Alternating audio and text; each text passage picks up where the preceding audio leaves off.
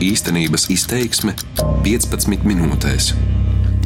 Pastnieks. Tā varētu dēvēt Latvijas galveno netīrās naudas legalizācijas izskaudēju viesturu burkānu.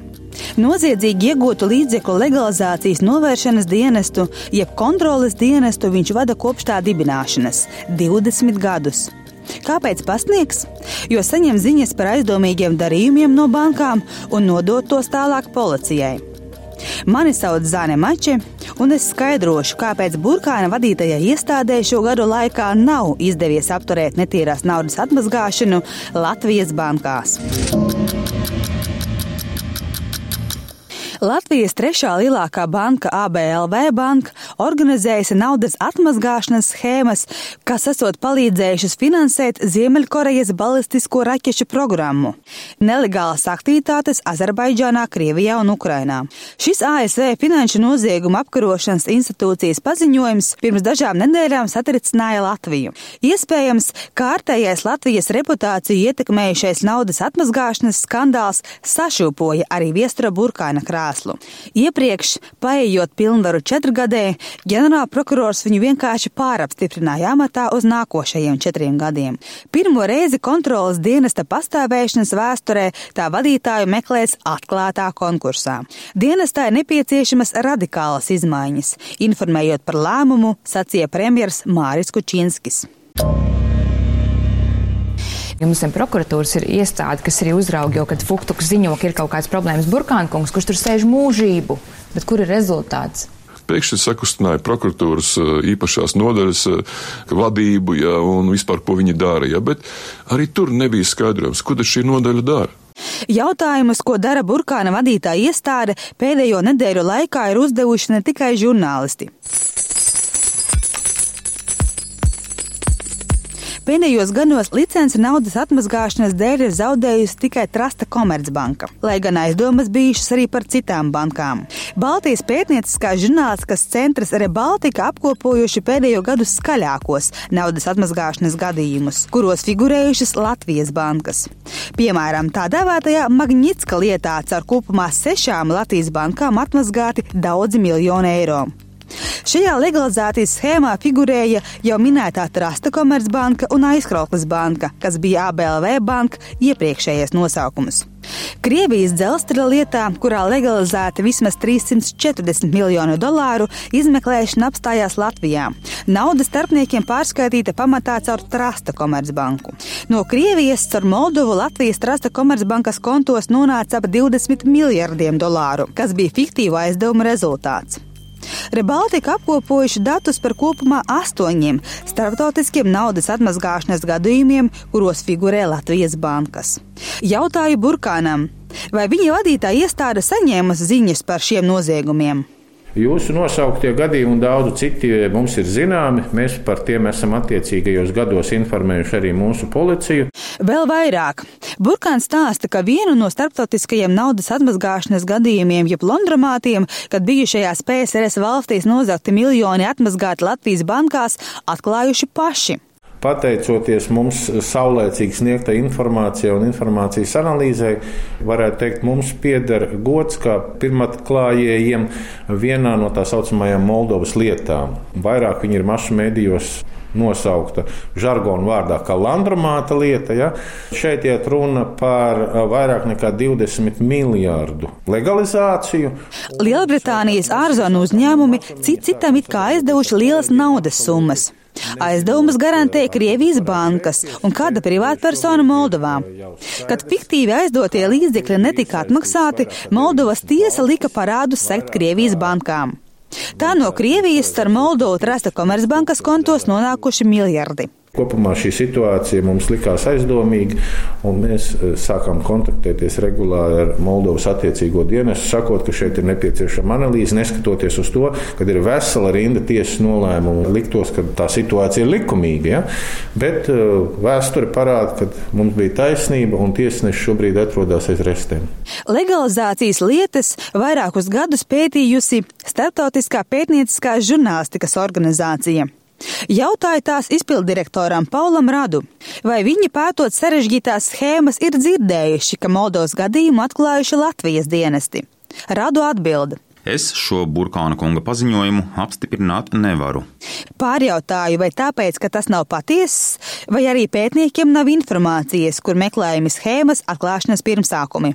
Es nekad neko neesmu dzirdējis par Burkāna kungu šajā kontekstā, tāpēc nevaru apstiprināt, vai tas bija viņa vadītais dienests, kurš ziņoja par šīm aizdomīgajām darbībām. Jautāju par to Saimas aizsardzības, iekšlietu un korupcijas novēršanas komisijas vadītājam Ainaram Latkovskim, kura vadītajā komisijā Burkāns atskaitās par padarīto. Viņš saka, ka viņi pirmie esot pamanījuši šos aizdomīgos darījumus un ziņojuši par to Moldovas kolēģiem. Ir par to kaut kas dzirdēts? Jā, viņš arī nāk mūsu komisijā. Teiksim, pagājušais un aizpagājušais gads bija ļoti veiksmīgs. Tika apturēti darījumi un pat konfiscēta nauda un ieskaitīta budžetā, kas bija Ukraiņas atmazgātā nauda. Līdz ar to šie ir darbi. Ir. Likvidētā trasta Komercbanka ierauta apmēram 30 krimināla procesos. Runājot par Moldovas gadījumu, Burkāns rausta plecus, sakot, ka process esot, bet bez rezultāta. Taču par minēto 20 miljardu atmazgāšanu caur Trasta Komercbanku Burkāna vadītais dienas policijai nesot ziņojis. Es saņemu informāciju nevis no Burkāna kunga. Tas bija 16. gada sākums, kad eh, pēc eh, mūsu aktivitātēm Trasta Komercbanka mums bija tikšanās ar Finanšu kapitāla tirgus komisijas pārstāvjiem, un es personīgi pajautāju, vai gadījumā viņi negribētu policijai paziņot par iepriekš sodītas privātbankas darbībām kur eh, prese izskanēja, ka iespējama noziedzīga iegūt līdzekļu legalizācija. Stāsta ekonomisko noziegumu apkarošanas pārvaldes pirmās nodaļas priekšniece Inese Gise. Banku uzraugs atbildējis: Nē, policijas palīdzība nesot vajadzīga. Bankas darbinieki par pārkāpumiem esot administratīvi sodīti. Gise tomēr uzstājusi un informāciju saņēmusi. Policija sāka kriminālu procesu un nu lietas apjoms mērāms vismaz 20 sējumos. Tiek gatavoti arī tiesiskās palīdzības lūgumi Moldovai. Burkānam pārjautāja par šo gadījumu, un viņš telefona sarunā apliecina, ka Latvijas valsts policijai par Moldovas Londramātu nav ziņojis. Kāpēc? Jo tā bijusi sadarbība starp viņa vadīto dienestu un kolēģiem Moldovā. 90. gadu beigās radītā iestāde Latvijā bija jaunums. Uztraucoties par dienestu, kuram bankām jāziņo par saviem klientiem neatkarību, nolēms to neiekļaut iekšlietu vai finanšu ministriju vadīto iestāžu sastāvā. Šeit, Raņa bulvārī esošais kontroles dienests darbojas prokuratūras pāraudzībā. Viņiem nav izmeklēšanas tiesību. Deputāts Latkovskis viņus pielīdzina pastkastītei, kurā sakrīt ziņas par aizdomīgiem darījumiem. To, kas ir aizdomīgi darījumi, nosaka likums. Piemēram, darījumi, kuri pārsniedz 60 tūkstošus eiro. Maijā šos liksnes samazinās līdz 10 tūkstošiem eiro. Bankām jāziņo arī par jebkuru citu darījumu, kurš šķiet aizdomīgs. Burkāns rāda tabulas. Pērna dienas saņēmis teju 18 tūkstošu ziņojumu par aizdomīgiem darījumiem. Nedaudz vairāk kā 64% gadījumu ziņojušas kredītiestādes. Kontroles dienests, izmantojot datu bāzes, pārbaudot dokumentus, pēta, vai darījums varētu būt saistīts ar naudas atmazgāšanu. Ja aizdomas ir pietiekami lielas, dienas ziņo policijai un uz 45 dienām iesaldē šaupīgo naudu. Policija lēmj par pamats krimināla procesam. Diemžēl mums ir tā, ja dienests pa gadu pabeidz 200, teiksim, 230, 225 vai tam līdzīgi skaitu materiālus, Pārsvarā šie materiāli, diemžēl, iegūst pirmstiesas izmeklēšanā, vienā vai otrā, un uz prokuratūru krimināla vajāšanai aiziet tikai daži desmiti krimināla procesu. Notiesājošo spriedumu skaits ir 10-15 gadā. Taču viss nesot tik slikti. Jau 12 gadus izmeklētāji var prasīt no krimināla procesa atsevišķi izdalīt lietu par noziedzīgi iegūtiem līdzekļiem, lūgt tos par tādiem atzīt un ieskaitīt valsts kasē. Pēdējo triju gadu laikā apmēram 86 miljoni eiro ir konfiscēti un atgriezti cietušajiem vai ieskaitīti valsts budžetā. Tā kā mūsu dienesta budžets ir kā no kuru gadu vai nu ne, tuvu miljonam vai nedaudz pāri, tad varētu teikt, ka mēs esam strādājuši ar pietiekuši lielu atdevi. Likumsargu redzeslokā nonāk tikai 1% no Latvijas bankās atmazgātās naudas. Kāpēc izdodas pierādīt naudas nelikumīgo izcelsmi, bet neveicas ar vainīgo notiesāšanu?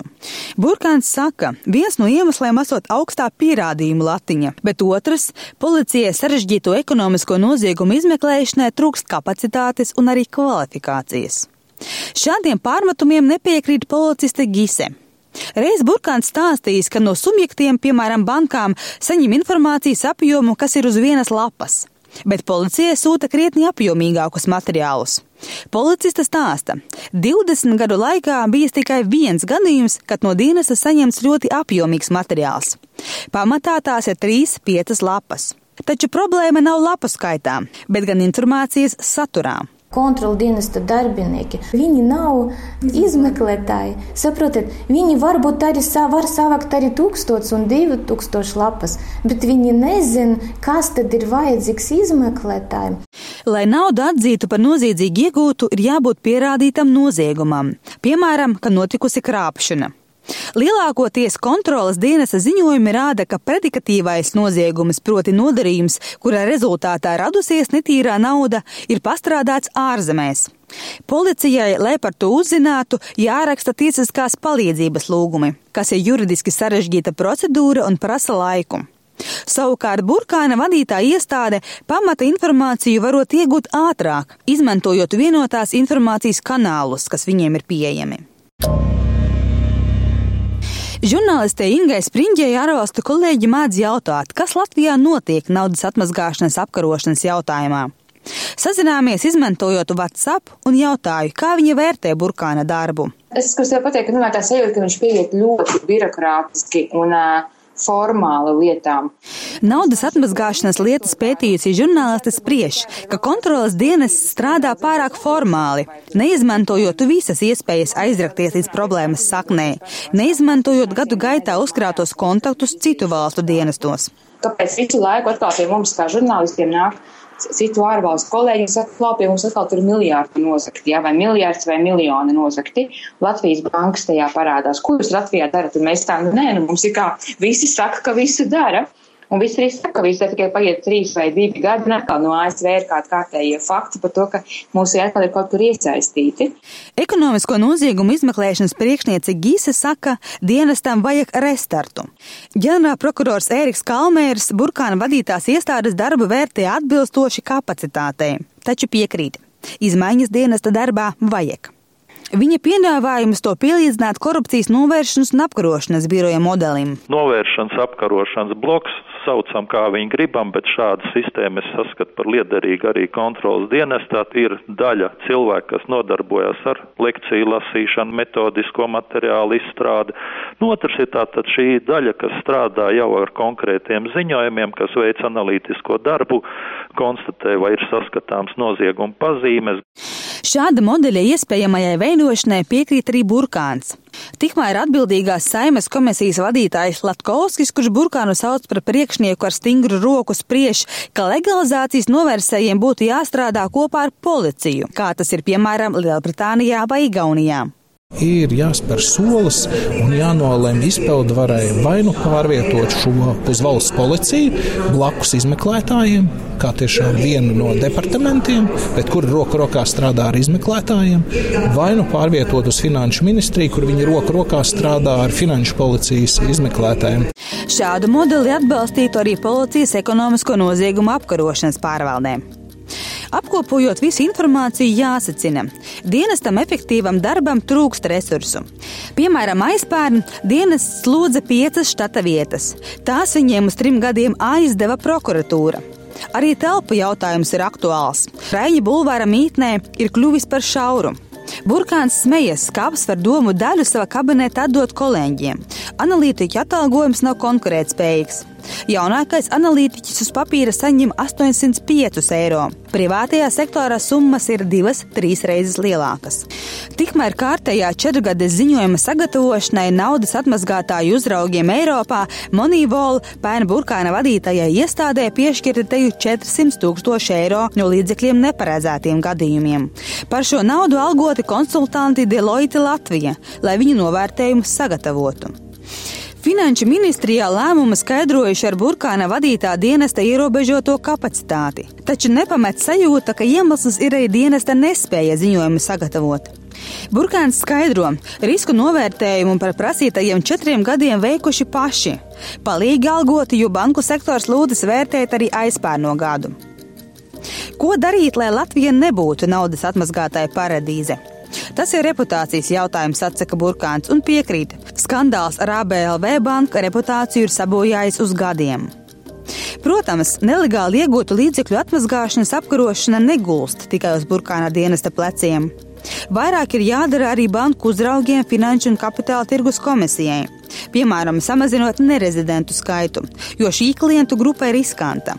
Tomēr nopietnas reformas jāveic arī kontrolas dienestā. Piemēram, jāņem piemērs no valstīm Eiropā un dienests jāpievieno policijai. Jo viņu darba rezultāti pastāvēšanas 20 gados tiešām atgādina pastu, kura sūtītās vēstules nevienmēr sasniedz adresātu vai ir salasāmas. Raidījuma īstenības izteiksme veidoja Zāne Mače, par labskaņu rūpējās Uldis Grīnbergs. Darbības vārds īstenības izteiksmē izsaka darbību kā realitāti. Tagatnē, pagātnē vai nākotnē, vai arī to noliedz.